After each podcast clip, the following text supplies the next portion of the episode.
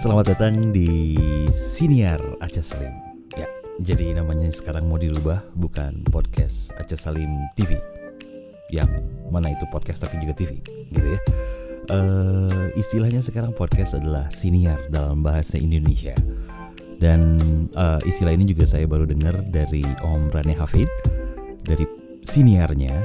Jadi mulai sekarang saya akan menggunakan siniar ketimbang podcast karena ya kita orang Indonesia dan mayoritas ini adalah pendengar saya mudah-mudahan orang Indonesia. Jadi siniar lah istilah yang akan saya gunakan.